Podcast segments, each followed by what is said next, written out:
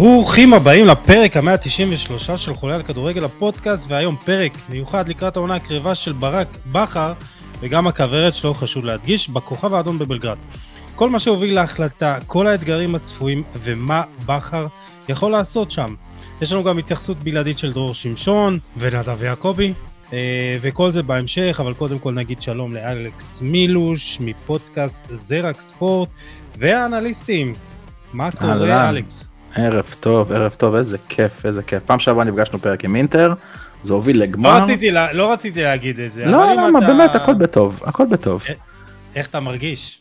אני מרגיש בסדר גמור, אני אמרתי לך גם את זה בפרק, אני מגיע לגמר, או התכוונתי שלהגיע לגמר בצורה הכי רגועה, בלי שום דבר להפסיד. בסך הכל מהעונה המוטרפת והמסויטת הזאת סיימנו עם גמר ליגת האלופות, גביע, מקום מובטח מהליגה. שמע, והייתה גם אה, הופעה מכובדת. אה, אני... כן, אפרופו אנחנו נדבר קצת תקשורת וכאלה דברים, אבל אני חושב שעשו קצת רצח אופי אה, להופעה של אינטר בגמר הזה, ודווקא הרבה פרשנים טובים שבאמת יודעים לפרש כדורגל ראו ושיבחו את ההופעה. מצד שני כל מיני כתבים שבאמת מחפשים את הכותרת, אה, דיברו על אנטי כדורגל וכל מיני קשקושים כאלה, לא מעניינים אף אחד. תשמע, זה היה די קרב טקטי אה, טוב מאוד, וגם, אה, אתה יודע, אה, גם סימוני אינזאגי הצליח לבטל את, אה, את, את, את פפ גווארדיולה ומנצ'סטר סיטי, אבל אתה יודע, אה, זה כבר אה, לפעם אתה יודע, אחרת. אתה יודע, יש, יש, יש איזו כן. אמרה די שחוקה, שאומרים קבוצה אחת ניסתה לשחק כדורגל וקבוצה שנייה לא ניסתה.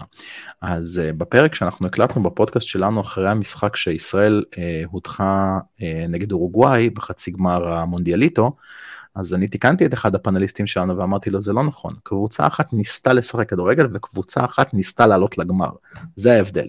לפעמים אתה צריך לבוא ולעשות את מה שצריך בשביל לעשות את התוצאה, זה לא בסופו של דבר איך שיחקת, זה מה בסופו של דבר יצא מזה. אה, כן, ואתה יודע, במשחקי גמר ומשחקי גביע ונוקאוט, אז באמת אה, צריכים לשחק אולי בצורה שונה, וסיטי גם, ופפ גם די הבין את זה העונה, משחקים אחרים הוא קצת צריך לשנות, אבל זה כבר לפעם אחרת. בכל מקרה, אני יוסי עדני, ולפני שנתחיל לדבר ככה על כל מה שאמרנו, אה, אה, בכר ובלגרד ו... ומה אפשר להשיג, אה, אני רוצה להגיד לכם משהו ברמה האישית, זה לא קשור לזה, לפרק. עברו שבועיים שלמים מאז הפרק האחרון שהקלטתי, גם כי יצאתי לחו"ל לכמה ימים, אך גם בגלל שרציתי לחשוב ולקחת קצת את הזמן בכדי להחליט מה עושים עם אה, חולה על כדורגל בכלל ועל חולה על כדורגל הפודקאסט בפרט. ולא, אל תדאגו, אה, לא חשבתי לעזוב הכל, אה, לברוח לתאילנד ו- ולזרוק את הדף ואת הפודקאסט, אבל כן חשבתי וכן הגעתי למסקנה לאן אני הולך מכאן עם, עם הפלטפורמה הזאת, ובאמת אני לא מתבייש להגיד, פלטפורמה מאוד מאוד גדולה ומכובדת, והגעתי למסקנה שזה הייעוד שלי בחיים, כדורגל, ואני אוהב את זה, ואני גם סבבה בזה, ומה שכן, המסרים קצת יתחדדו והתוכן יהיה ממוקד. אני מאוד מקווה שאתם תאהבו, ואם אתם אוהבים את התוכן, אז לא לשכוח לדרג אותנו, חולה על כדורגל הפודקאסט, בספוטיפיי, אפל או בכל אפליקציה שניתן לדרג. וחולה על כדורגל נמצא גם בפייסבוק, טלגרם, טיק טוק, טוויטר, אינסטגרם, וגם יש אתר מגזין יפה ומושקע, כדורגל.com. אתם מוזמנים לעקוב אחרינו בכל פלטפורמה שמתאימה לכם, ואם אתם אוהבים, תפרגנו, זה לא עולה כסף. ואפרופו, אם אתם רוצים לשפוך כסף, יש גם חבילות פרסום, גם בפודקאסט, גם בדף, גם באתר, אז אם אתם בעלי עסק ש... אתם רוצים להיחשף לאלפי אנשים בפודקאסט ועשרות אלפים בכל הפלטפורמות שלנו, אתם מוזמנים לעשות את זה. אה, ואלכס, אמנם לא תכננו לדבר על זה, אבל אם כבר ככה זרמנו על תקשורת הספורט בשיחה שלפני הפודקאסט, אז יש איזה מין תחושה ש... אה, עדיין קשה לקבל את תקשורת הספורט החדשה, גם את הפודקאסטים, אבל גם את החברים העצמאיים. אני יכול להגיד לך באופן אישי, שכשאני פונה לדוברים בליגת העל, זה כאילו, טוב, קודם כל ניתן ה, אה, את הכבוד לערוצים המסורתיים, לעיתונים, לאתרים, ואתה יודע, אם יישאר זמן וכוח ל, ל, לשחקנים, אז נדחוף איזה רעיון לפודקאסטים. ווואלה, אני יכול להגיד לך שזה מעצבן, אני מניח שגם אתה בתור פודקאסט עצמאי, אה, גם עם האנליסטים וגם בזה רק ספורט, אתה מבין על מה אני מדבר. תראה, קודם כל אני רוצה להגיד לך לפני הכל לגבי הפתיח שלך, אני מבסוט עליך, אני מבסוט שלא הלכת לשום, דק... לשום מקום, אני לא מאמין לך שלא חשבת על תאילנד, כי כולנו חושבים על תאילנד איפשהו מאחורה. הייתי שם פעמיים ואני אחזור לשם. אל תעשה לי את זה, לא הייתי, כן. אבל סגרתי בקיץ הזה חופשה ליעד סופר מעניין, סגרתי לאבו דאבי. נספר לך איך היה, סופר מעניין. Yeah. אה, uh, בכל מקרה, אז קודם כל אני מבסוט עליך שאתה נשאר ומתמיד, זה דבר ראשון. דבר שני, אני מת על הפלטפורמה, תמיד כיף לשמוע את השיחות שלך, ואני לא אומר את זה מאיזשהו מקום של, אתה יודע, אני ואתה מתנהלים באינטראקציה כמעט יומיומית בוואטסאפ, אתה יודע שאני בדרך כלל מאוד מאוד ישיר, ואני אומר את הדברים שלי כמו שהם, לטוב, לרע, אני מאוד אוהב פלטפורמות שהן עצמאיות, שהן עושות את הדברים כמו שצריך. אני רוצה להגיד לך שאני, ממש לפני כמה ימים ראיתי um, השוואה בין שתי סרטונים, הפודקאסט היום הגדול ביותר בעולם זה הפודקאסט של ג'ו רוגן, אני מדבר איתך על 12 מיליון צפיות, זה משהו שהוא כאילו היום אולי כלי התקשורת המרכזי, הפלטפורמה, הבמה המרכזית בניו מדיה. וראיתי סרטון שהוא מראה איך היו הפרקים הראשונים והוא עכשיו נמצא בפרק עוד מעט 3,000. ואתה יודע בסופו של דבר כל הפרק הוא סיפר שכל הפרק אה, כל הפודקאסט הזה בכלל נוצר כתוצאה מזה שהוא היה מסיים הופעת סטנדאפ, היה יושב עם חברים שלו ב green room, והם רצו לקשקש, והיה מצחיק והיה משעשע, אז פשוט מישהו בא שם מיקרופון באמצע, בוא נקליט, נעלה, ומי שיקשיב יקשיב, ומזה נולד הדבר. עכשיו, אני אומר שבארץ שלנו, לצערי, המדיה, מדיית הספורט עדיין לא מבינה לאיפה כל העולם הולך. וזה שמנסים לסגור שחקנים או לסגור כל מיני אנשי מקצוע, כשפן חס וחלילה לא יפלטו איזה משהו לא יגידו משהו, אוי ואבוי. כן. גם פה תבין תבין את הגאונות גם פה נכון שמת לב שהחולצת אה, העונה של מכבי חיפה הודלפה אני עכשיו אומר פה במרכאות לא רואים אותנו בווידאו אבל אני אומר הודלפה שמת לב לזה אתמול. כן בהופעה של פלד. כן. אז יפה אז היא לא באמת היא לא באמת הודלפה כי כן. גם החולצה של מנצ'סטר יונייטד כביכול הודלפה על ידי זמר באותו יום של אותו ספונסר אז אתה מבין שיש פה מהלך מתוכנן אז אנחנו משחקים כאילו לא שאני מזלזל אני מת על שש בש אנחנו משחקים שש בש בעוד אנשים משחקים שחמט תלת מימדי. ולצערי הרב אנחנו נמשיך לסבול מאנשים שלא נותנים וסוגרים את הדברים ולא נותנים לשחקנים להתבטא ולא נותנים לשחקנים אה, או לאנשי מקצוע להתחבר יותר לקהל ולאוהדים ולהיות פתוחים ולתת למדיה הזאת לפרוח מפאת חששות חשש כזה או אחר שאני לא מבין אותו. אבל אה, אבל בוא אני אגיד לך בכנות fuck it כאילו אני מבחינתי אה, רוצה לבוא מבחינתי הפודקאסט שלי זה לבוא ולדבר עם החברים שלי על מה שאני הכי אוהב שזה כדורגל או כדורסל או MMA וכיף לי ואני זה בשבילי איזושהי שעה של אתנחתא או כמו שאנחנו קוראים לזה הפרלמנט או כל דבר כזה ו- ותענוג ואפרופו אם אתה דיברת על uh, שינויים וחידודי מסר אחד מהדברים שאני הולך לתקוף השנה מאוד מאוד רציני. אז יאללה ספוילר. אה, ספוילר, אה, ספוילר, ספוילר גדול זה נושא הפנטזי. כן. נושא הפנטזי שתופס את העולם היום בטירוף אגב אני יודע שאתה יודע את זה, הפנטזי, נגיד בארצות הברית הוא חתיכת, זה אימפריה, פנטזי פוטבול או פנטזי NBA בארצות הברית זה, זה, יש לזה אתרים שלמים, מפרסמים כמו בדווייזר וחברות של ביטוח ומכוניות מפרסמות על פנטזי, כי זה שם חתיכת תעשייה, ובארץ ובאירופה מתחילים להיכנס לזה, ואנחנו ניכנס גם לתחום הזה ונעשה את זה הרבה ונעשה את זה גם חווייתי וכיפי. בסופו של דבר מה שאני מנסה להגיד זה שלא צריך אותם אנחנו נמצא את הדברים שלנו, אנחנו נעלה בכמות המאזינים, אנחנו נהפוך את הפלטפורמה הזאת של הפודקאסטים, באופן כללי פודקאסטי הספורט, לפלטפורמת ספורט המובילה שמסקרת את הספורט בארץ, הם כבר התיישרו לפי זה. טוב, אני מאוד מקווה, וכמו שאמרת, אתה נכנס לתחום ה fantasy, אתה כבר נמצא בזה, כן? אתה mm-hmm. מקום איזה 100 אלף בעולם, זה מכובד. לא האמת שכן, כזה? האמת שכן, ה fantasy של פרמייר ליג בלבד, שיחקו השנה 27 מיליון, אחי שלקח את הליגה שלנו סיים ב top 100 אלף הראשונים בעולם, שזה נשמע לכם מופרך 100 אלף, אבל זה מקום כן. כל כך כל כך קשה, ליגה סופר תחרותית, אני סיימתי באזור ה-300, אבל אה, אנחנו גם ראינו השנה, בגלל שאני עושה את זה כבר 4-5 שנים אני רואה כל הזמן את הבאז בארץ ויותר ויותר שחקנים נכנסים בליגה הישראלית של הפנטזיה של פרמייר ליג ספציפית עולה ועולה ועולה ועולה ואנחנו נבוא ונכין ונדבר על כל מיני שחקנים ונשלב בזה קצת מנג'ר שיש לנו הרבה עכברים של מנג'ר בארץ שמתים על הדבר הזה וקצת נתונים ודברים ואיך להכין קבוצה ומה האסטרטגיות המובילות ונעשה ליגה ונשחק עם כולם ביחד אולי אפילו נציע פרסים בסוף יהיה סופר כיף. כן, ואולי גם אני אצטרף, זה עדיין במשא ומתן, אבל טוב, בואו בוא נתחיל, כאילו בכל זאת יש ברק בכר בכוכב האדום בלגרד, ואני רוצה לקחת אותך עוד לפני החתימה, זה, וההודעה הרשמית, וזה די היה ברור שהייתה איזושהי תחושת מיצוי, אה, של ברק בכר בישראל, וזה כאילו רק חיכו שהאליפות תהיה רשמית, האליפות השלישית, אה, וזה גם היה בעוד עונה של ליגת אלופות, כאילו הייתה תחושה שאין עוד מה, מה אה, להשיג. נכון. בחיפה, וכאילו אם, ואם הוא יישאר עוד עונה אז יכול להיות שתהיה עוד אליפות, אבל רוצים לעשות את קפיצת המדרגה הזאת, ובמכבי חיפה יש איזו תקרת זכוכית ש, שברק בכר לא היה יכול לשבור אותה, אתה יודע, מבחינת תקציבים והכל, ובכוכב האדום, בקבוצה כזאת, עוד נדבר גם על האפשרות שהיו לו, אה, הוא יוכל להשיג אפילו קצת יותר, והש, והשאיפות והציפיות הן גבוהות יותר. אז... אה, אני אגיד לך... בסוף אני... מרץ התחילו, כן. כן. כן, אז אני אגיד לך שאני חושב שהמעבר של ברק בכר הובטח, הוא סיפר את זה בריאיון, שהוא הובטח עוד באזור המשחק נגד אשדוד, אה, הוא סיפר את זה בריאיון, אבל אז לקח עוד שלושה או ארבעה משחקים עד שהאליפות בפועל באמת הובטחה, והיא אה, הובטחה באמת מחזור לפני הסוף, אבל זה כבר היה רשמי. אני לא חושב שברק בכר הגיע לתקרת הזכורית שלו במכבי חיפה, אני חושב שברק בכר הגיע לתקרת הזכורית שלו בכדורגל הישראלי. יש פה עניין של ניצול אה, טיימינג וניצול מצב. העונה שברק בכר עשה במכבי חיפה, העונה האחרונה, היא העונה הטובה ביותר שברק בכר עשה אה, אי פעם.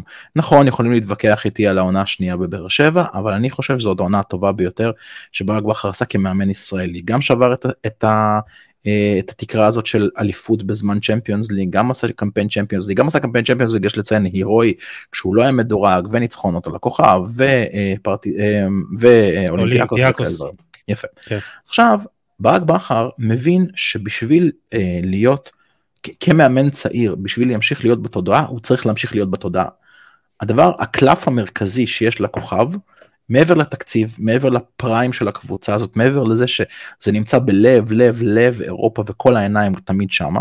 אנחנו נדבר על כמה שחקנים מהכוכב שאפילו עושים, לוטשים עיניים או קבוצות מאוד מאוד גדולות לוטשות עיניים אליהם, אבל כרטיס ישיר לליגת האלופות, דירוג דרג שלוש, כלומר הוא בעצם הולך להיות מדורג עם אה, קבוצה אחת שתהיה בדרג יותר נמוך ממנו, כאשר אה, אתה מאוד מאוד תלוי בהגרלה ובסיטואציה כזאת או אחרת אתה יכול לבוא ולהפיל לשלב הבא.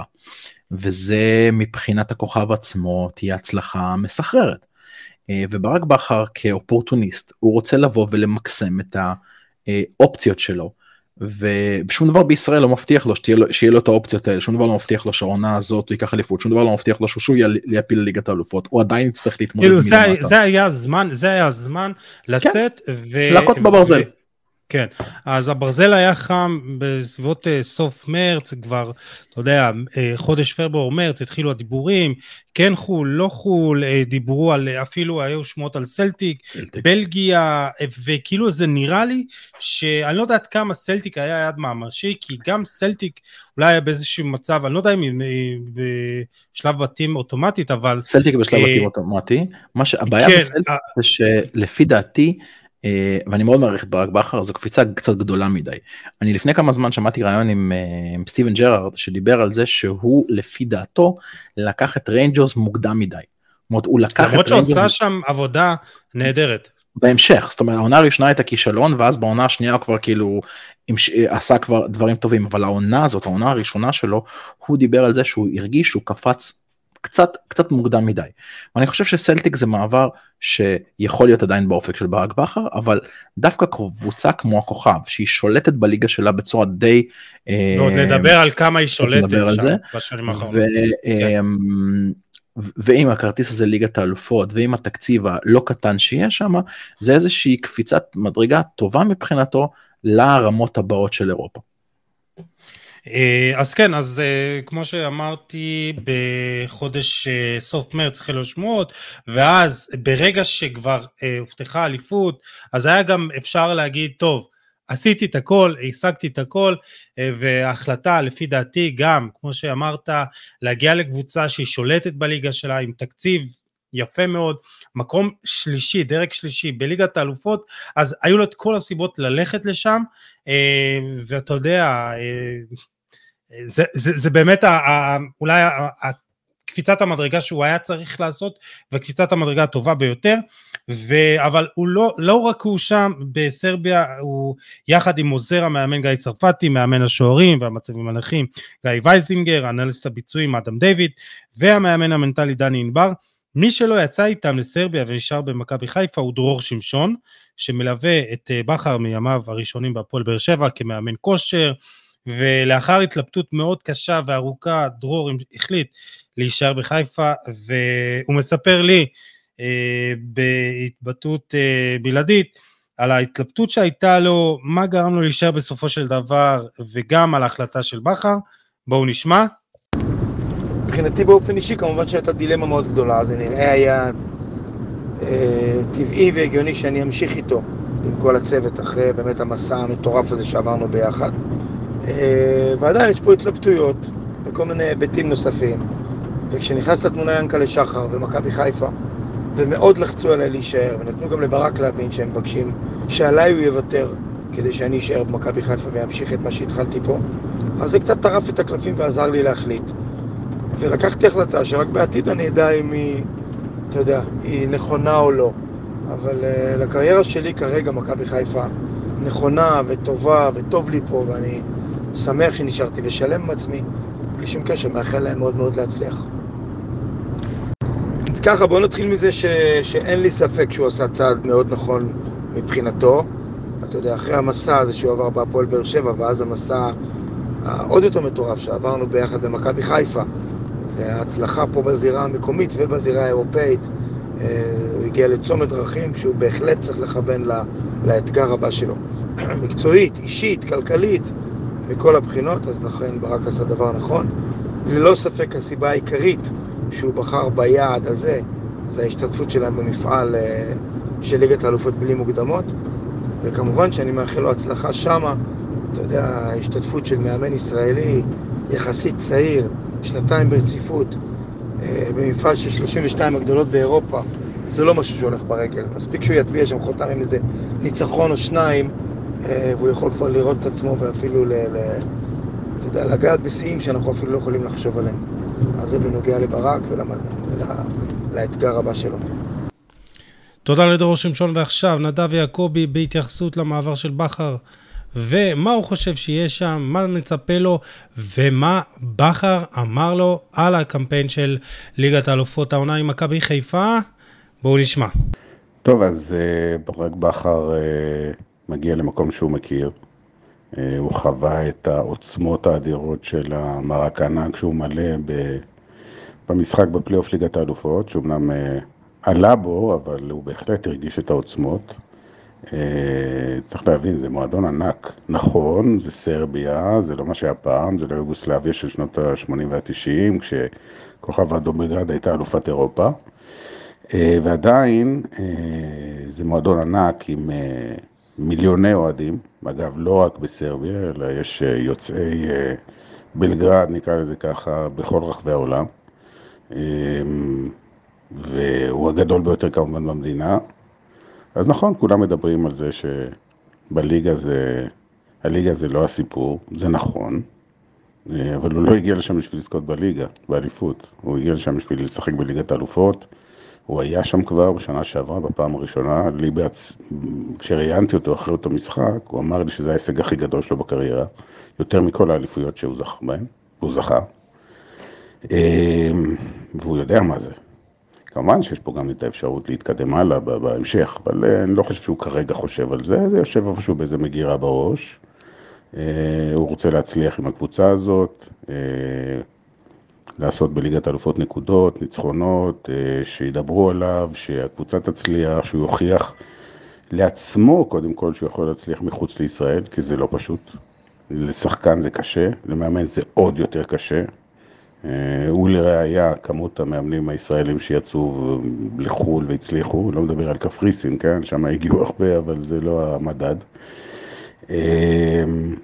ודרך אגב, אני הייתי בטוח שהוא יעשה את הצעד הזה, לא היה לי ספק, מתחילת העונה שעברה, אמרתי שזה מה שהוא יעשה. אם הוא ייקח אליפות ואם לא, ממכבי חיפה, כי הוא מיצה את עצמו פה, והוא אה, מבין שאין לו יותר מה איפה להתקדם, הוא צריך להתקדם בכדורגל האירופי, ואני חושב שזה גם תחנה נכונה. אה, ליגת אמצע מה שנקרא, אבל קבוצה חזקה, גדולה, עם בסיס קהל עצום, שיש לזה כמובן גם את החסרונות, שאם לא יהיו הצלחות, אה, יחפשו אותו. הלחץ פה הוא יותר גדול ממכבי חיפה. אנחנו כאילו פה בארץ מסתכלים על מכבי חיפה כאל איזה מועדון אירופאי גדול. לא, מכבי חיפה באירופה זה מועדון קטן. כוכב האדום בלגרד בכמה רמות מעל. לא מדבר על ההישגים של השנים האחרונות, אלא בתפיסה. זה שם יותר מוכר. מסתובב באנגליה, באיטליה, אז יש כאן איזה שלא יודעים מי זה מכבי חיפה, לא שמעו את השם הזה. אין מי שלא יודע מי זה כוכב האדום בלגרד. אמ, ויש לו פה מבחן, מבחן לא פשוט, אבל אה, ברק הוא בן אדם נחוש, הוא יודע בדיוק מה הוא רוצה להשיג, אה, הוא מאוד קר רוח, שזה אולי התכונה הכי מדהימה שלו, שום דבר לא... אה, הוא מתרגש, אבל הוא יודע לשים את זה בצד, והוא ממוקד, והוא חד בצורה בלתי רגילה, גם כשיש לחצים מסביב. והוא בוחן פה את עצמו. אני מאחל לו כמובן מהצלחה, אני חושב שהוא המאמן הישראלי הטוב בכל הזמנים. אני מקווה לראות אותו עוד כמה שנים גם בליגה יותר גבוהה, אבל בינתיים שיצליח עם הכוכב האדום מלגרד ושנראה, אולי יעשה שמינית גמר צ'מפיונס, למה לא? תודה לנדב יעקבי. טוב, אז בואו בוא נתקדם uh, לאתגרים המקצועיים של ברק בכר, ואין ספק שזה ליגת אלופות. Uh, כמו שאמרתי, הכוכב תשתתף העונה כבר משלב הבתים והיא מדורגת שלישית, כך שהיעד הריאלי, וגם מה שמצופה מברק בכר, יש uh, לומר, הוא לפחות העפלה לליגה האירופית מהמקום השלישי, יותר מזה בוודאי זה יהיה הישג בלתי רגיל, פחות מזה לא יתקבל בברכה, אבל אנחנו נתחיל ככה מהזירה המקומית, ובליגה הסרבית הכוכב שולטת ללא עוררין עוד משנת 1946, בליגה היוגוסלבית הראשונה, בין השנים 46 ל-92, הכוכב זכתה ב-19 אליפויות מתוך 32. לאחר פירוק יוגוסלביה בליגה של סרביה ומונטנגרו, הכוכב זכתה בשמונה אליפות מתוך 14.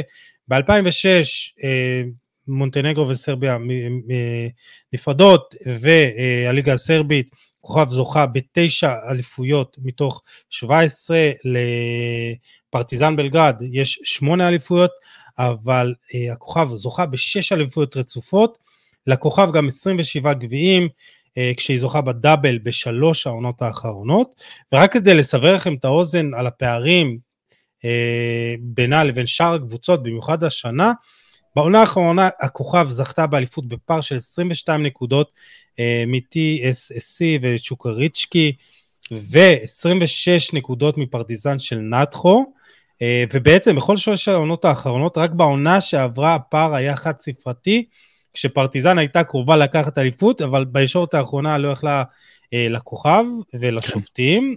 אה, ואיבדה את ההובלה. עכשיו, כן, למה אני אומר את זה? כי אירחנו בשנה שעברה את ביברס נטחו, קפטן פרטיזן, לא קפטן פרטיזן, אבל שחקן מאוד בכיר שם וזה, והוא באמת סיפר ש... השופטים די עוזרים לכוכב, אז בוא נגיד ככה שלברק בכר גם, אתה יודע, תהיה עזרה כזאת, אבל... כן, אה, למרות שיש לו עזרה פה בארץ, כן, אתה יודע. אז אני אוסיף כמה דברים למה שאמרת. כן. קודם כל, קודם כל, הדומיננטיות בעונה האחרונה הייתה אה, קצת קשה אפילו להסבר, אבל אני אנסה להוסיף עוד קצת נתונים למה שאתה אמרת. קודם כל, אה, סיימה עם מעל 100 שערי זכות. עכשיו, שקרה משהו קצת מוזר בליגה הסרבית בעונה האחרונה קבוצה בשם באקה טופולה שהיא באמת הייתה הפתעת העונה סיימה במקום השני זאת קבוצה שככה הסתכלתי עליה אחורה אה, מקומות 4 5 6 זה בדרך כלל המקומות המוכרים לסוג של נתניה כזה של הליגה הסרבית אבל היא באמת כן. הפתיעה סיימה במקום השני אבל עדיין בהפרש של 22 נקודות. עכשיו מבחינת שערים 95 שערים 95 שערי זכות זה היה 30 שערים יותר מהקבוצה השנייה שזה אותה בקטופולה 13 ספיגות פחות מהקבוצה השנייה כלומר ההפרשים עצמם הם אדירים. הליגה עצמה, כל הליגה הזאת בגדול, בגדול, בגדול, בגדול נשלטת על ידי שלוש קבוצות, כוכב, פרטיזן וצ'יקריצ'קי, כאשר אה, צ'יקריצ'קי היא הקבוצה היותר, אה, איך אני אקרא לזה, הקבוצה יותר של העם, הקבוצה כזה, אתה יודע, עם המסורת, ואתה יודע, אפשר כל הסוג של בית"ר כזה, אף פעם לא הרבה כסף, מלא רוח לחימה, מלא קהל מאוד מאוד משולהב, והכוכב ופרטיזן הם בדרך כלל המועדונים עם הכסף, שנשלטים על ידי כמה אוליגרכים, שמקבלים קצת אה, הטבות ועזרות וכל מיני דברים כאלה, וכיאה גם הציפיות מהקבוצות האלה. זה לגבי הליגה. עכשיו, מבחינת הכוכב ובכר, אתה יודע, מכיר את המם הזה שאתה רואה גבר והולך עם, עם אישה כזה, אתה יודע, חצי מחובק, ואז מישהי עוברת yeah. וכזה מסתכל אחורה, אתה מכיר את המם הזה? אז זה הכוכב כן, כן, וברק בכר. הם ראו משהו שהם אהבו בתחילת הקמפיין של שנה שעברה בליגת אלופות, והם אמרו, אני רוצה גם. אני רוצה את זה, תביא לי את זה מהמדף בבקשה.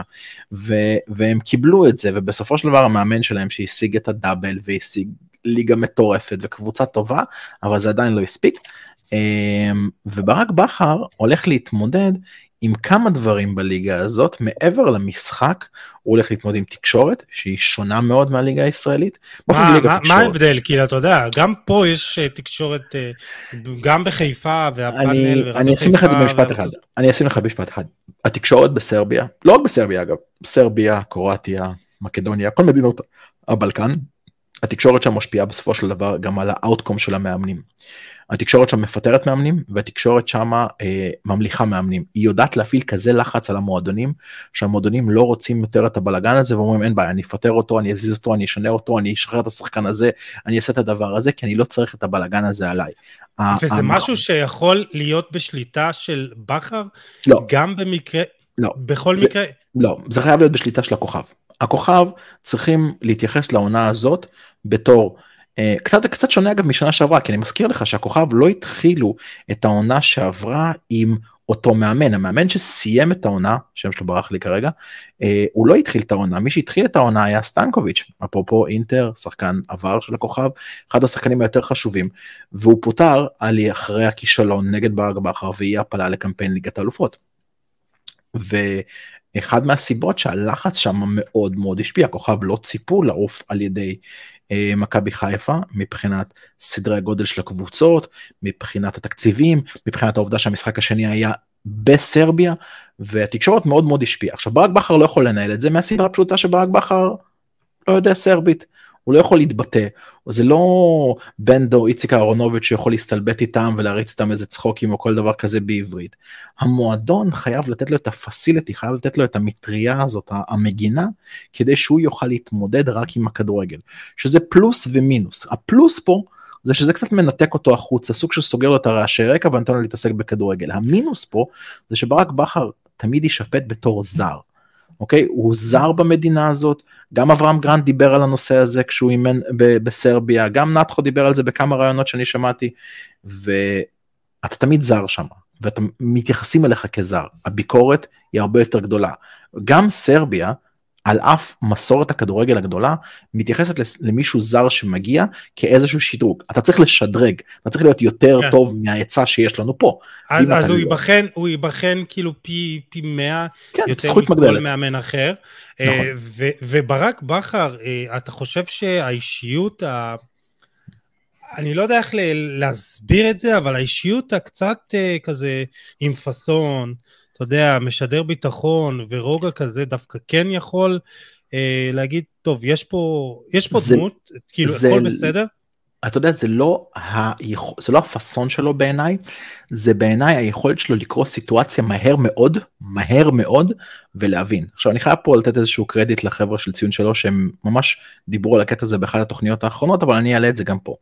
בהצגת ה... ב... לא בהצגת ההצגה הרשמית למדיה אלא בהצגה של בכר כלפי השחקנים הוא נכנס עם הבעלים והכל ואז הוא הריץ שם איזושהי בדיחה בדיחה מאוד מאוד ישראלית כזה הייתי במשחק כדורסל ניצחנו כנראה אני צריך להגיע לכל משחקי הכדורסל עם חיוך כזה מאוד מאוד ישראלי מאוד מאוד casually שאנחנו פה בארץ היינו מאוד ככה אתה יודע מתבדחים וממשיכים הלאה.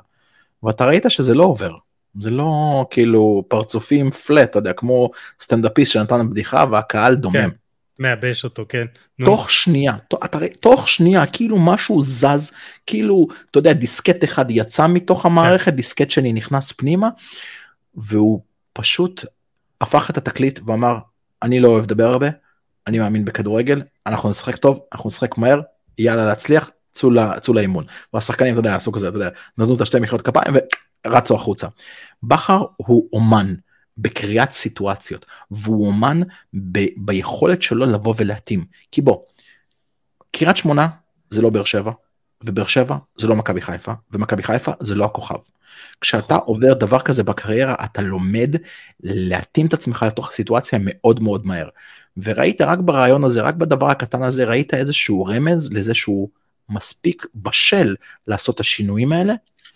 תשמע, הוא גם, גם עשה, אחד הצעדים, עוד נדבר על זה, כן. זה, הוא, הוא פיטר את, ה, את הקפטן ואת השוער, אה, מיליאן בוריאן, עוד נדבר על זה, אז כבר אולי ב... במבחן הראשון האמיתי שלו, כי גם הם דיברו בתקשורת הסרבית על זה שהוא, שהמנג'ר הביא את בכר כדי לעשות את העבודה המלוכלכת ולהיפטר מכל הכוכבים המזדקנים.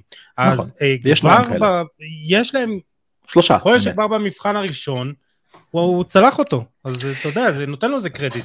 בוא, בוא אנחנו נדבר, הוא עשה בוריאן השוער את הטעות הפטאלית בבעיטה של סונגרן במשחק בבלגרד, אז ובמונדיאל. אתה יודע. כן. אני אגיד לך משהו, קודם כל, אנחנו לא יודעים אם הוא צודק או לא צודק, אנחנו נדע את זה אם באמת גלאזר יתכנס טוב למשבצת של השוער וייתן עונה טובה. אז אפשר יהיה להגיד שהוא צדק. אם גלאזר יעשה עכשיו טעויות או שטויות, אז כולם יבואו ויאשימו אותו וישימו את הדברים.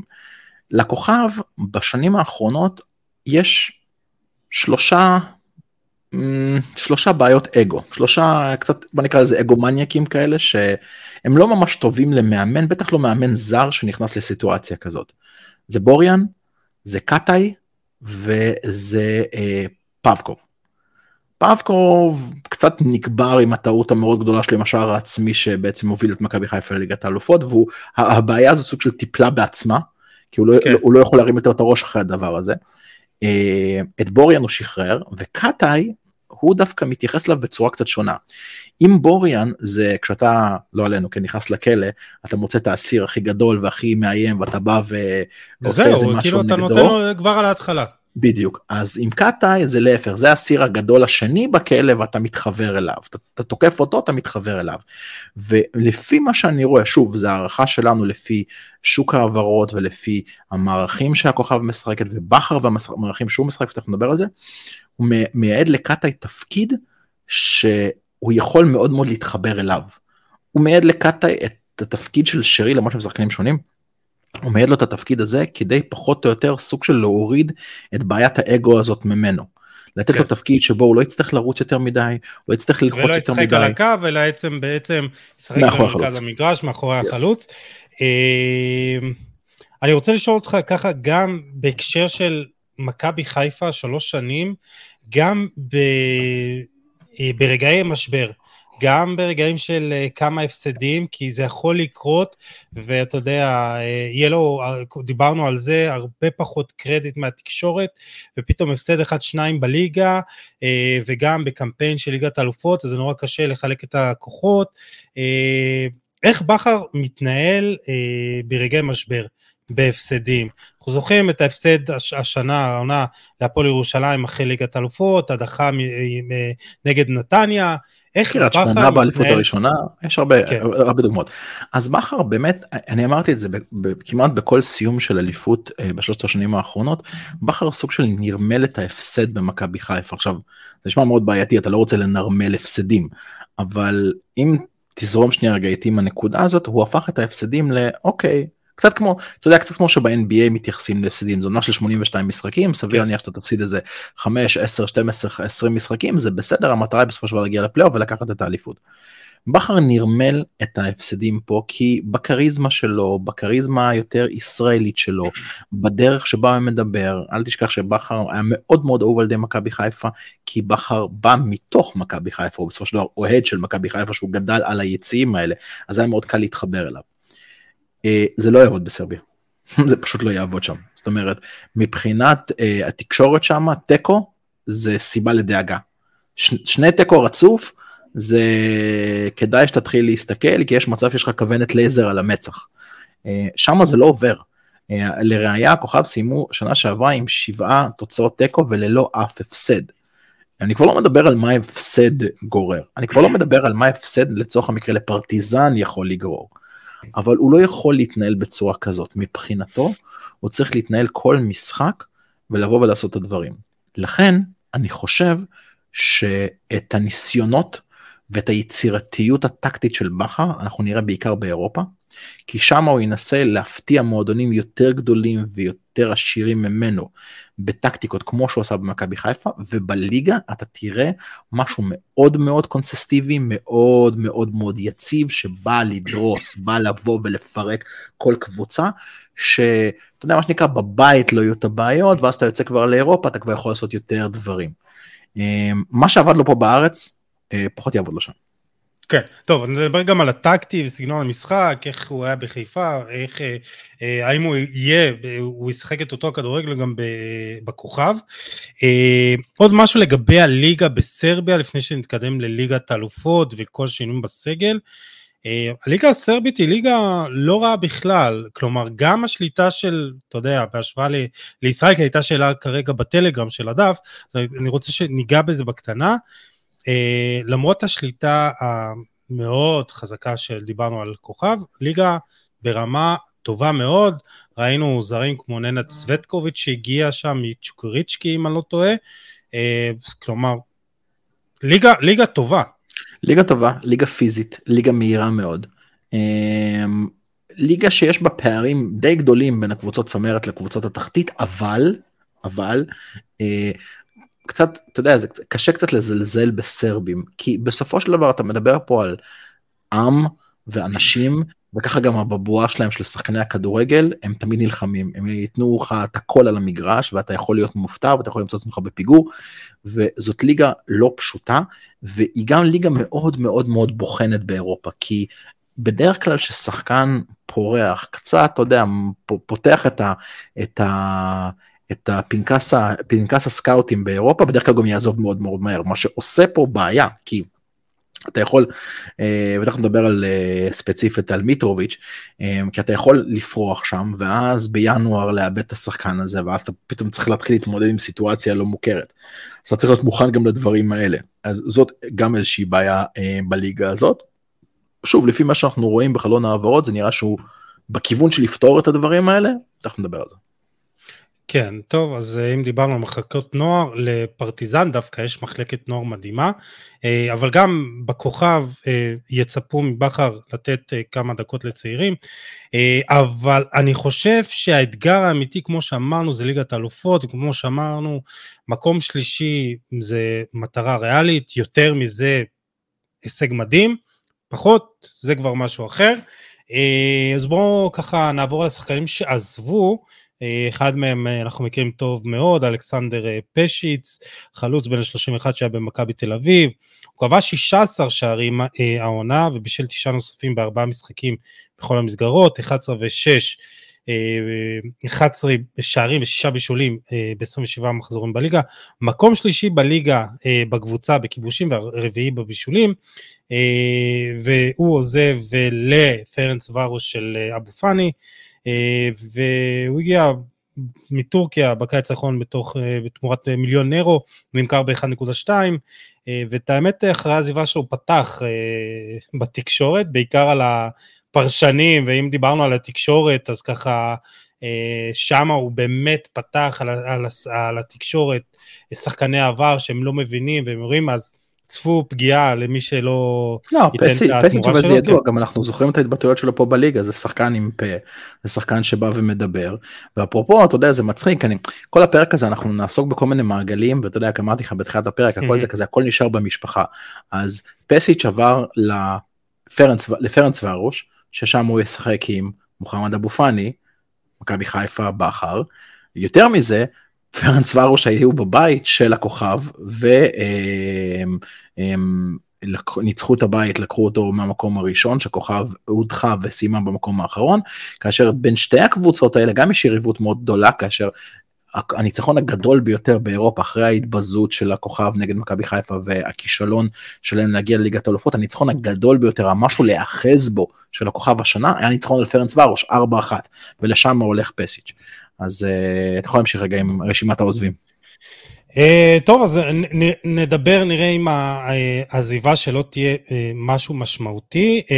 דיברנו עליו, מילן בוריאן, השוער והקפטן בן ה-35, חשוב להגיד שהוא עומד בשער של הכוכב מאז 17, עונת 17-18, 275 הופעות במדעי הקבוצה. הגיע מלודוגורץ, עבר לסלובן ברטיסלבה, וכמו שאמרתי, הוא אחד השחקנים המוכרים ביותר במועדון וגם אהוב הקהל. ברעיון, לאחר שהודיעו לו שהוא לא היה שוער ראשון, הוא ירה גם הוא בתקשורת. הוא אומר, פגשתי את בכר בבלגרד ואמרתי לו שלום, כמה ימים לאחר מכן הגעתי לפריז, צלצל אליי ואמר שהוא לא בונה עליי ואני כבר לא השוער הפותח, זה היה קשה לי מאוד, אה, בטח כשזה פיטורים בשיחת טלפון, זה לא הגיע לי. מאמן שנמצא במועדון כמה ימים הודיע בצורה כזו, הוא היה צריך לכבד אותי, אני חייל של הכוכב, יש לי חוזה, אני עצוב ופגוע מאוד, אז אני לא אגיד יותר מדי, התארים שלי מדברים בעד עצמם, אה, הזמן מכריע, אני בטוח שבסופו של דבר כולם יתחרטו על זה. אה, שמע, אה, אני לא בטוח שכולם יתחרטו על זה, פתח, אני לא בטוח שכולם יתחרטו על זה, חשוב להגיד עוד נקודה אחת לגבי מילן בוריאן, מילן בוריאן הוא התשיעי בכמות ההופעות בכל הזמנים של הכוכב. הוא עם 275 הופעות, הוא במקום התשיעי, ככה שבאמת באמת אבן יסוד בקבוצה הזאת, יש גם לציין שהוא שוער קנדי בגדול, מייצג נבחרת קנדה ולא אחד נבחרות הבלקן, אבל, אבל בוא נודה על האמת, מילן בוריאן זה שוער לא חף מטעויות, זה שוער שעשה לא מעט טעויות, זכורה מאוד, כמו שציינת, הטעות נגד אה, מכבי חיפה עם השער של סונגרן, אה, עוד יותר זכורה, על הבמה הגדולה ביותר, זה הטעות שלו בנבחרת קנדה נגד מרוקו, שהוא יצא, לא יודע לאיפה הוא יצא, יצא לחפש משהו ונתן להקים זייש פחות או יותר שער נקי לכבוש. הוא לא שוער יציב, ואנחנו יודעים שברק בכר מחפש בעיקר שוערים יציבים, ובעיקר גם שוערים שיודעים להנהיג את ההגנה. ואם יש משהו שעומרי גלאזר, אנחנו יכולים לבוא ולדבר על עומרי גלאזר טוב, לא טוב, אה, חזק במשחק רגל, חלש במשחק הגובה, יוצא טוב, לא טוב, עזוב, שים את כל זה בצד. עמרי גלאזר בשנים שלו בבאר שבע למד לשלוט בהגנה שלו. הוא למד לשלוט בשחקנים, הוא למד להיות מתקשר בין כל הדברים האלה, ממש קיבל את הפיגורה הזאת של השוער. וזה אחד הדברים שברק בכר היה רוצה שגלאזר יעשה בקבוצה שלו. אם הוא יצליח לעשות את זה, אני מבטיח לך שמילן בוריאן לא יעלה יותר מדי בשיחות אה, של האם זה היה טעות או האם זה היה נכון. אה, עוד נרחיב על עמרי גלאזר, אתה רוצה, אה, יש עוד שחקן שעזב ששווה להתעכב עליו? אז, אז, אז יש, פה, יש פה כמה דברים מעניינים, כי מרקו רקוניה אה, הוא בגדול סיים השאלה מלוקומוטיב, והוא אמור לחזור לשם. עכשיו מרקו רקוניה הוא שחקן מאוד מעניין, קודם כל שחקן צעיר, אה, שמשחק על שני תפקידים, הוא משחק על צד שמאל והחלוץ המחליף, הוא היה החלוץ המחליף לפסיץ'. יש פה שאלה האם הוא באמת יחזור ללוקומוטיב כי אתה יודע עם כל מה שקורה ברוסיה אתה לא באמת יודע מה קורה שם וזה יכול להיות יום ככה יום ככה אה, אז הוא כביכול אמור לחזור אבל אף אחד לא באמת יודע. והדבר הכי מעניין זה מיטרוביץ' לפי דעתי מרקו מיטרוביץ', תן לי רגע לוודא את עצמי, סטפן מיטרוביץ'. סטפן מיטרוביץ', שהוא באמת אה, אולי אחד השחקנים היותר מעניינים השנה בכוכב, ילד צעיר בן 20, אחד הכישרונות הגדולים ביותר של סרביה, שאני לפני הפרק הלכתי והסתכלתי וראיתי התעניינות של כל מיני ברצלונה וכל מיני דברים כאלה, והכוכב רואים בו בתור אקזיט שצפוי להימכר. כוכב קבוצה עשירה, יש לה כסף, אבל זה לא עכשיו כסף של דובאי, זה לא כסף של אמירויות, גם הם תלויים בשחקנים שעוזבים כדי לקנות כמה שחקנים, וזה שחקן ש... הם מצפים ממנו שיכניס לקופה של המועדון לא מעט כסף. עכשיו, אם שני השחקנים האלה באמת עוזבים, הם עושים בעיקר, בעיקר, בעיקר בעיה בצד שמאל. כי שני השחקנים האלה בשנה שעברה תפסו את צד שמאל, כאשר אה, בוקארי תפס את צד ימין, בוקארי שאנחנו זוכרים אותו בשחק נגד מכבי חיפה. ושם אני חושב שברק בכר מייעד את כל הרכש שלו, הוא, הוא ממש מסתכל על אגף שמאל משתי סיבות. א', כי שם יכולים לעזוב את השני שחקנים, וב', כי שיטת המשחק של ברק בכר, ותכף אנחנו נדבר עליה, מאוד מאוד מושתתת על שני שחקנים בצדדים שהם סופר מהירים. אם זה היה בחיפה זה אצילי וחזיזה, או אצילי ודין דוד, או שחקנים בעלי פרופיל מאוד מאוד מהיר שנכנסים לתוך הרחבה וכובשים הרבה שערים. שני השחקנים האלה מייצרים לו בעיה בצד שמאל, ולשם הוא מכוון את הרכש שלו. אז בואו נעבור ל- לרכש, ברשותך. יאללה, אז קודם כל ככה, הגיע, אז אני, אני חוזר שוב למעגלים של הכל נשאר במשפחה. אה, אז הגיע אדמונד אדו, שהוא הגיע ברמת עקרון מספרטק אה, סוביקיה הסרבית, אבל בגדול, למי שזוכר אותו, אנחנו זוכרים אותו מהקמפיין בשריף טירספול. אותו משחק ב... אה, תן לי להיזכר מתי זה היה, דצמבר, דצמבר, ספטמבר 2021. אותו, אותה הפתעה גדולה של... אה, שריף טירספול שניצחו את ריאל מדריד 2-1, פתח בהרכב, שיחק בתור הקשר האחורי והחזיק את כל הלחץ שם בקבוצה.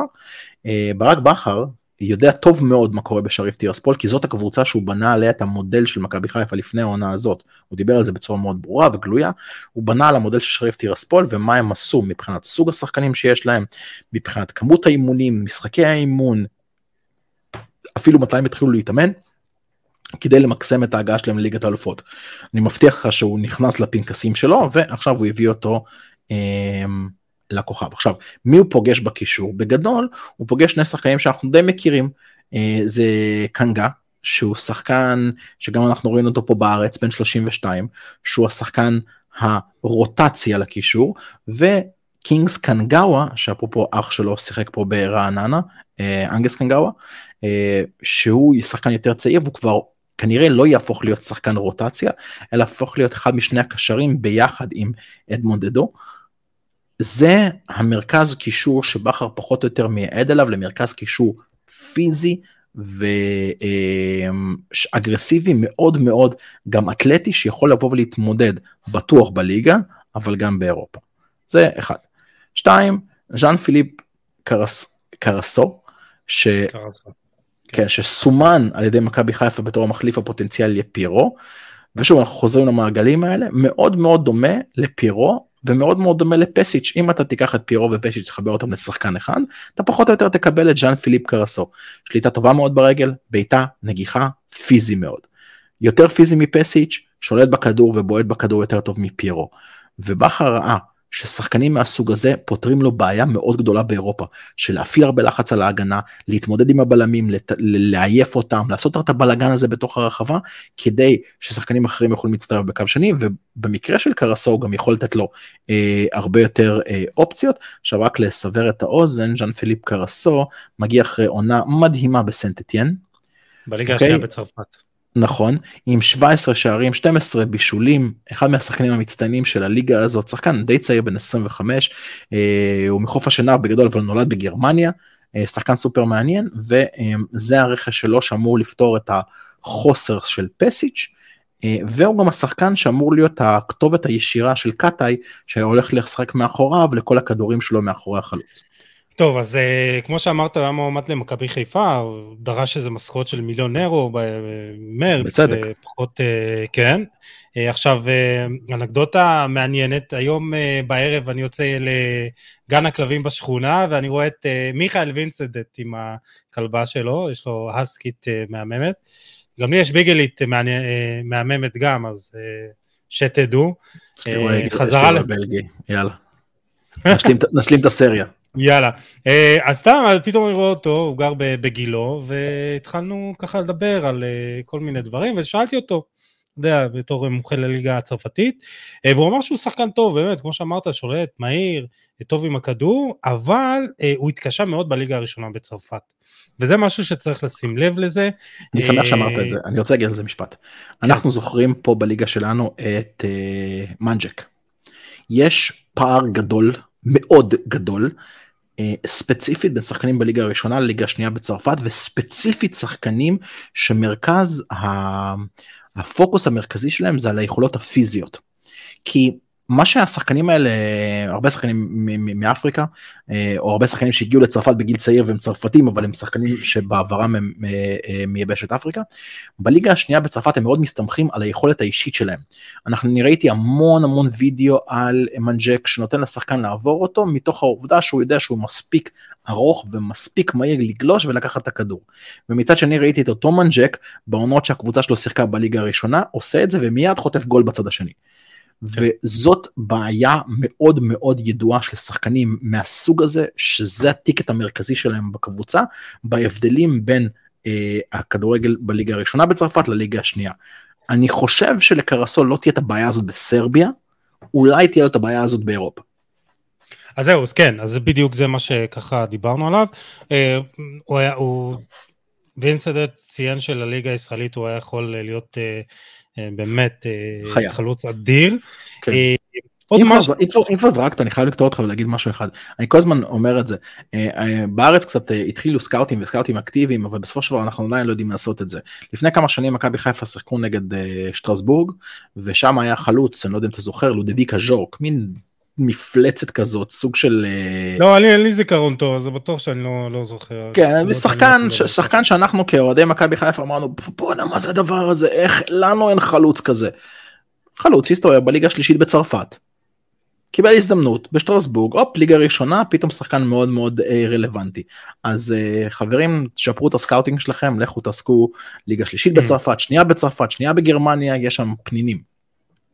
כן, עוד משהו שחשוב להגיד, אה, סנטטיאן שיחקה לרוב עם 5-3-2, אה, אז אה, קרסו שיחק כחלוץ שני, ובכר, נדבר עוד מעט על המערך, די משחק עם חלוץ אחד, עם שחקן מתחת לחלוץ, אז נראה באמת איך זה ישתלב. אני רוצה לדבר על עמרי גלאזר קצת יותר, כי מגיע לו, כוכב שילמה, כן, אלכס. לפני שאנחנו לפני שאנחנו עוברים לגלאזר אני רוצה רק לציין את השחקן האחרון ש, שהגיע משחקני השדה ותכף נדבר על השוער. השחקן האחרון והמאוד מאוד מעניין שמכבי שמכבי חיפה. הלוואי.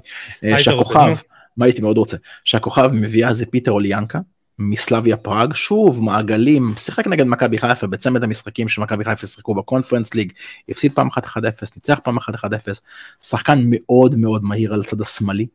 אה, שחקן שאמור באמת להשלים את התמונה שדיברנו עליה עם בוקרי בימין ואוליאנקה בצד שמאל כשקרסו מקדימה ולתת להם התקפה מאוד מהירה מאוד מאוד אתלטית שלושה שחקנים ממוצא אפריקאי. דיברו על זה היום סליחה שאני קוטע דיברו על זה היום אה, במבחנים שערכו חמישה שישה שחקנים שמעל אה, 35 אה, קמ"ש מגיעים למהירות באימון אז אה, בכר בונה קבוצה מאוד מאוד פיזית ומהירה. אתלטית נכון. מאוד. נכון, ואתה אתה גם ראית, אני, זוכ, אני ממש זוכר את זה, כשעשינו scouting על הכוכב, לפני המשחק נגד מכבי חיפה, היה להם משחק, אה, או בשלב לפני שהם שיחקו נגדנו, או בליגה שהם פירקו איזה קבוצה 4-5-1, ותוך שניות אתה רואה כאילו התקפה גול, התקפה גול, התקפה גול, והכל באותו סגנון, מהירות דרך הצדדים, כדור פנימה, גול.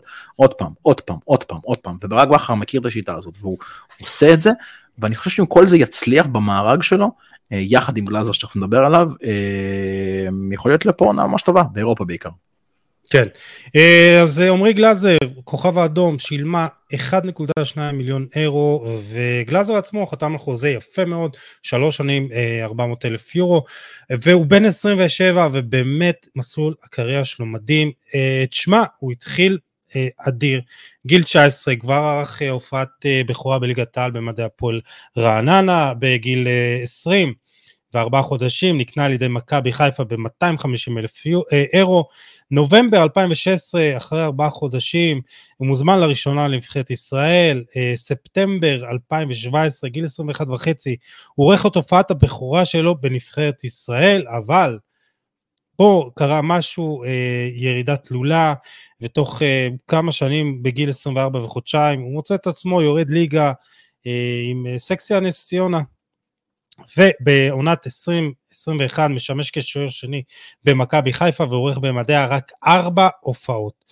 Uh, השינוי uh, מדהים, מאי uh, 22 uh, בגיל 26 וחודשיים, באמת uh, עונה נהדרת כשוער ראשון בהפועל באר שבע, זו העונה האחרונה. הוא זוכה בתואר של עונה, עוצר שלושה פנדלים מגמר גביע מול מכבי חיפה, מביא את אה, גביע לבאר שבע, וגם חוזר לסגל נבחרת ישראל לראשונה זה ארבע שנים.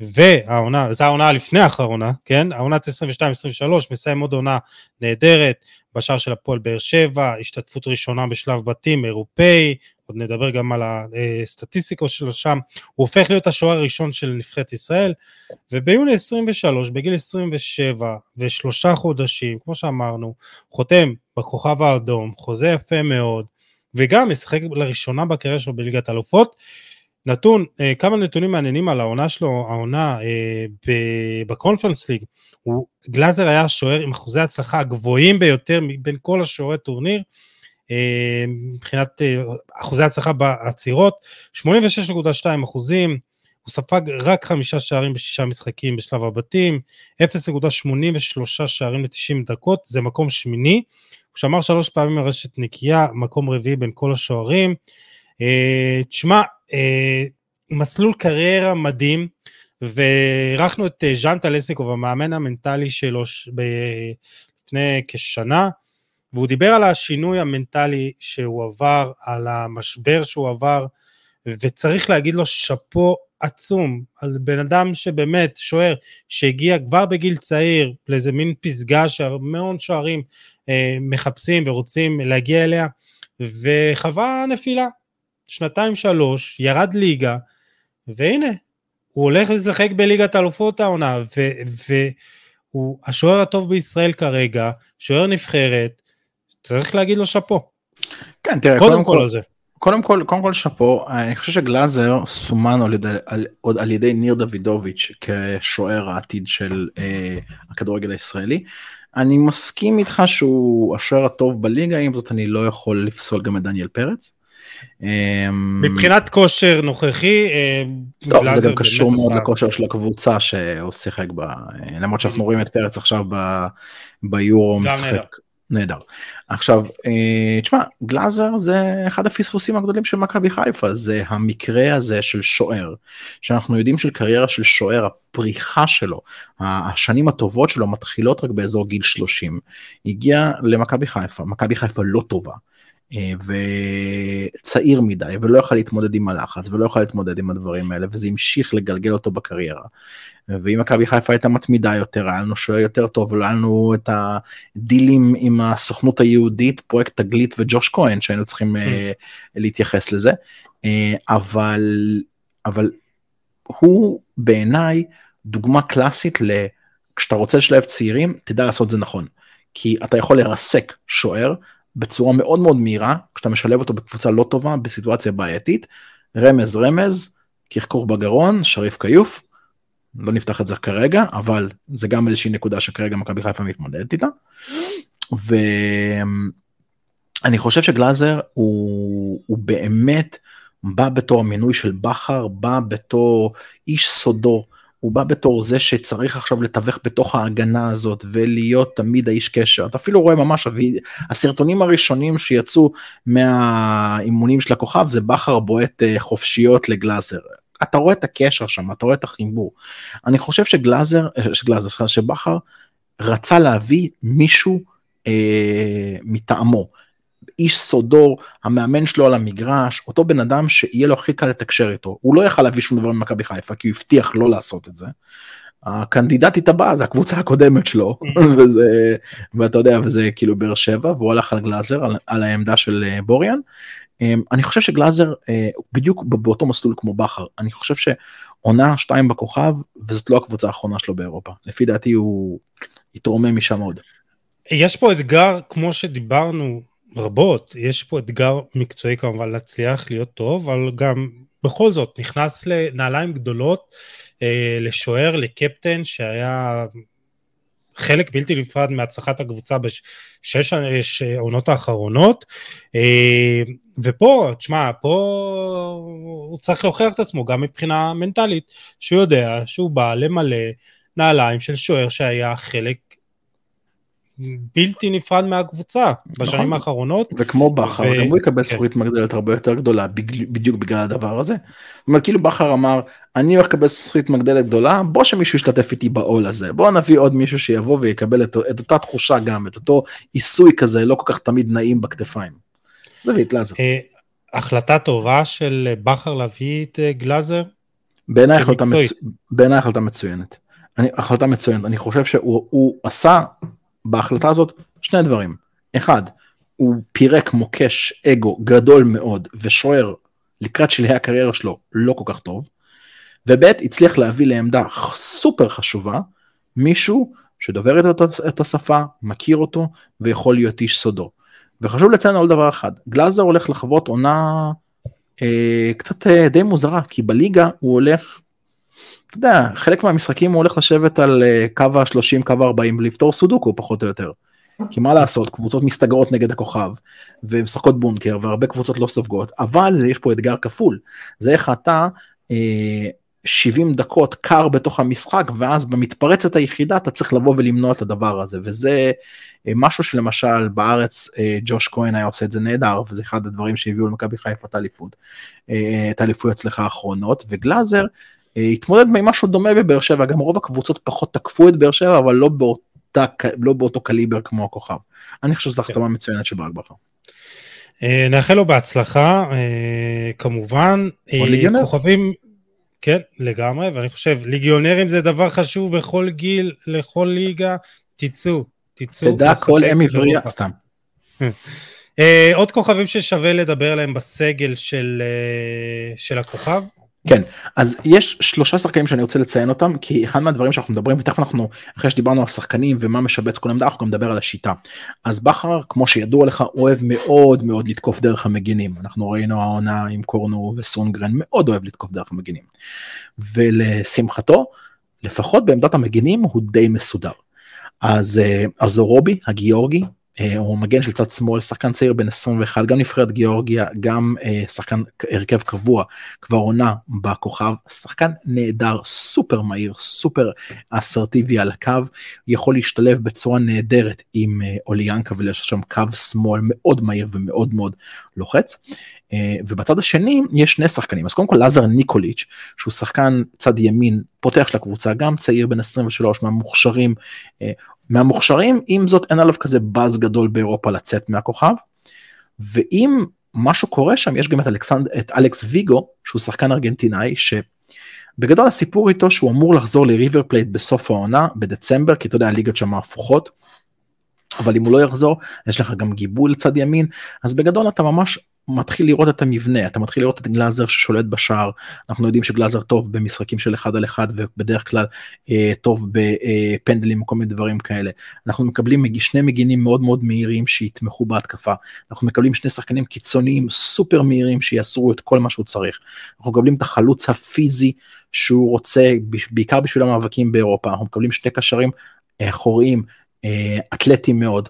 אה, מנוסים מאוד בשביל המאבקים בליגה ובשביל אירופה ואנחנו מקבלים את אה, קטאי שממש סוג של אתה יודע אה, מגודר בצורה מאוד מאוד יפה שם אותו כזה באפרוחיה אל תעשה כלום אל תלחץ קבל כדור מאחורי החלוץ תבעט תמסור תודה רבה וזה דרך אחרת של בכר להתמודד עם מוקד אגו אחר בתוך הקבוצה הזאת שגם פה לפי דעתי עושה איזה החלטה נכונה מאוד.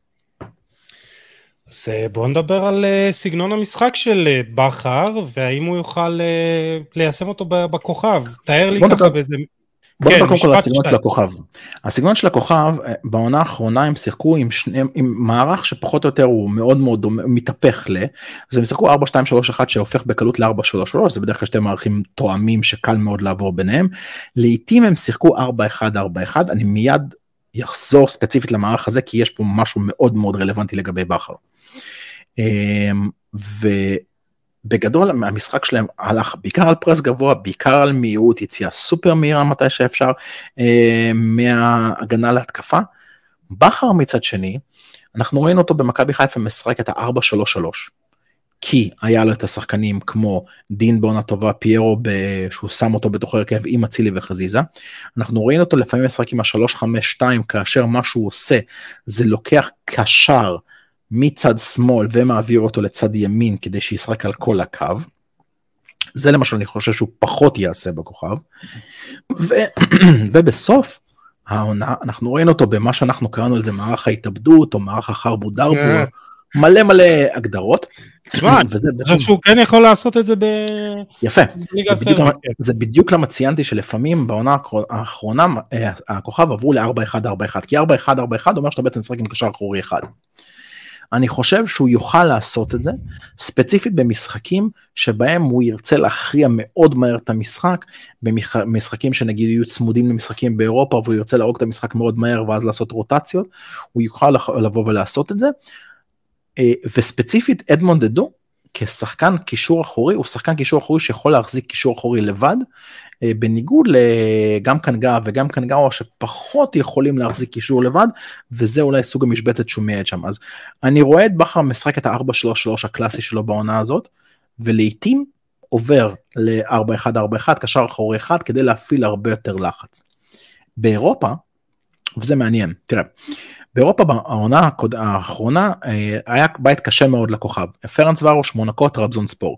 הם בסך הכל סיימו עם שתי ניצחונות וארבעה הפסדים, מאזן שערים שלילי של תשעה שערי זכות, 11 שערי חובה.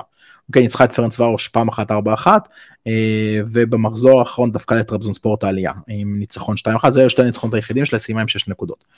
מה שבעיקר אה, הייתה בעיה שם ששלטו נגדה. שלטו נגדה, שלטו נגדה בקצב, לא נתנו לה לעשות את כל הדברים שהיא רצתה לעשות. ובכר ישאף באירופה, שוב מאוד מאוד תלוי איזה הגרלה הוא יקבל, אבל הוא ישאף באירופה לשחק קצת הפוך מאיך שהוא הולך לשחק בליגה. בליגה הוא ישאף ללחוץ ולהפעיל את כל הפרס מקדימה ולגמור משחקים מהר, ובאירופה בדיוק לעשות הפוך. להשתלט לכדורים מהר ולהוציא את ההתקפה כמה שיותר מהר מהמגנים ומהקיצוניים שלו. הוא ממש בונה כי... את הקבוצה סביב זה. אז זהו, אז ראינו את אה, מכבי חיפה העונה, אה, גם לא מפחדת ללחוץ, אם זה היה נגד בנפיקה בחוץ, היא כן לחצה גבוה וכן ניסתה קצת לשחק כדורגל ופתוח, וזה עלה לה באיזה 7-2 מול פריז לפעמים, אז אתה יודע, אז אה, אני לא יודע, אולי נראה גם את בכר מנסה ליזום ולעשות את הדברים האלה, העונה בליגת כן, האלופות. כן, יכול, תראה, עוד פעם, אנחנו חוזרים ואומרים מה תהיה הגרלה. בוא נניח שהוא מקבל בתוך ההגרלה קבוצה כמו מנצ'סטר סיטי. האם בכר ירצה לנסות להפתיע קבוצה כמו סיטי וללחוץ גבוה? יכול להיות. האם זה יכול להיות אה, אכזרי וכואב בצד השני? יכול להיות גם. מצד שני, הוא יכול לקבל קבוצה על הכיוון האיטלקי, הוא יכול לקבל סוג של מילאן או אינטר, קבוצה שפחות כדאי ללחוץ אותה גבוה כי זה מה שהיא מחכה לו, היא רק רוצה שתלחץ אותה גבוה כדי שהיא תוכל כן. לצאת מהר. בכר מאוד אדפטיבי. יהיה מאוד מעניין לראות את ההגרלה של הכוכב כדי לראות איך הוא הולך לשחק במשחקים האלה.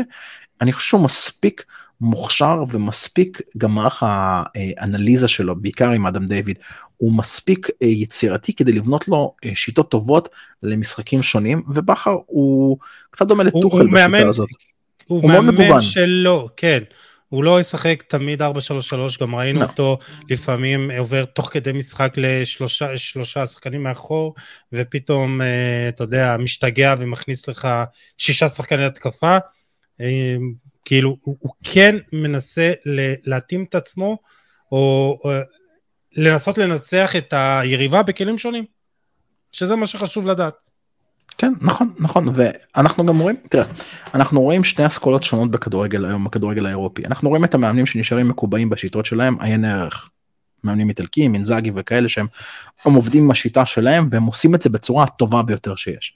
אנחנו רואים מאמנים כמו פפ כמו טוחל שמאוד מאוד מגוונים בשיטות משנים עושים מערכים אבל ופה הנקודה שאני רוצה להגיד אותה אני ממש עושה לופ חזרה לתחילת הפרק שלנו. גם פפ בגמר בסופו של דבר הבין שהוא לא יכול להתחכם יותר, הוא חייב לשחק על מה שעובד לו, והוא נשאר עם השיטה שלו ונתן, ואפילו איבד את דבריינה בתוך הגמר הזה ועדיין המשיך עם השיטה שלו כדי בסופו של דבר להביא את הניצחון.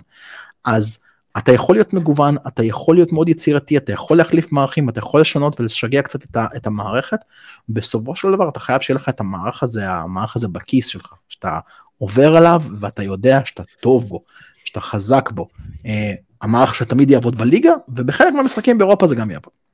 אז זהו, אז אני חושב שאם ראינו גם מסיטי העונה וגם מנבחרת ארגנטינה במונדיאל, אנחנו כן ראינו את הגמישות הזאת, אנחנו כן ראינו את השינוי במערכים, כי היום זה לא משנה באמת איך אתה עולה, באיזה מערך, זה משנה איך אתה משחק, אם אתה לוחץ גבוה יותר או פחות לוחץ, גבוה, אם אתה אה, מחזיק בכדור, פחות מחזיק בכדור, ואת זה ראינו העונה גם מפפ גוורדיולה שהוא ויתר על הכדור, משהו שהיה בגדר טאבו עבורו, וראינו את זה גם נגד ארסנל אה, במשחקי הליגה, גם נגד ביין מינכן בליגת האלופות, כלומר כן לדעת להישאר על העקרונות שלך, אבל לפעמים להתאים את עצמך למשחקים מיוחדים.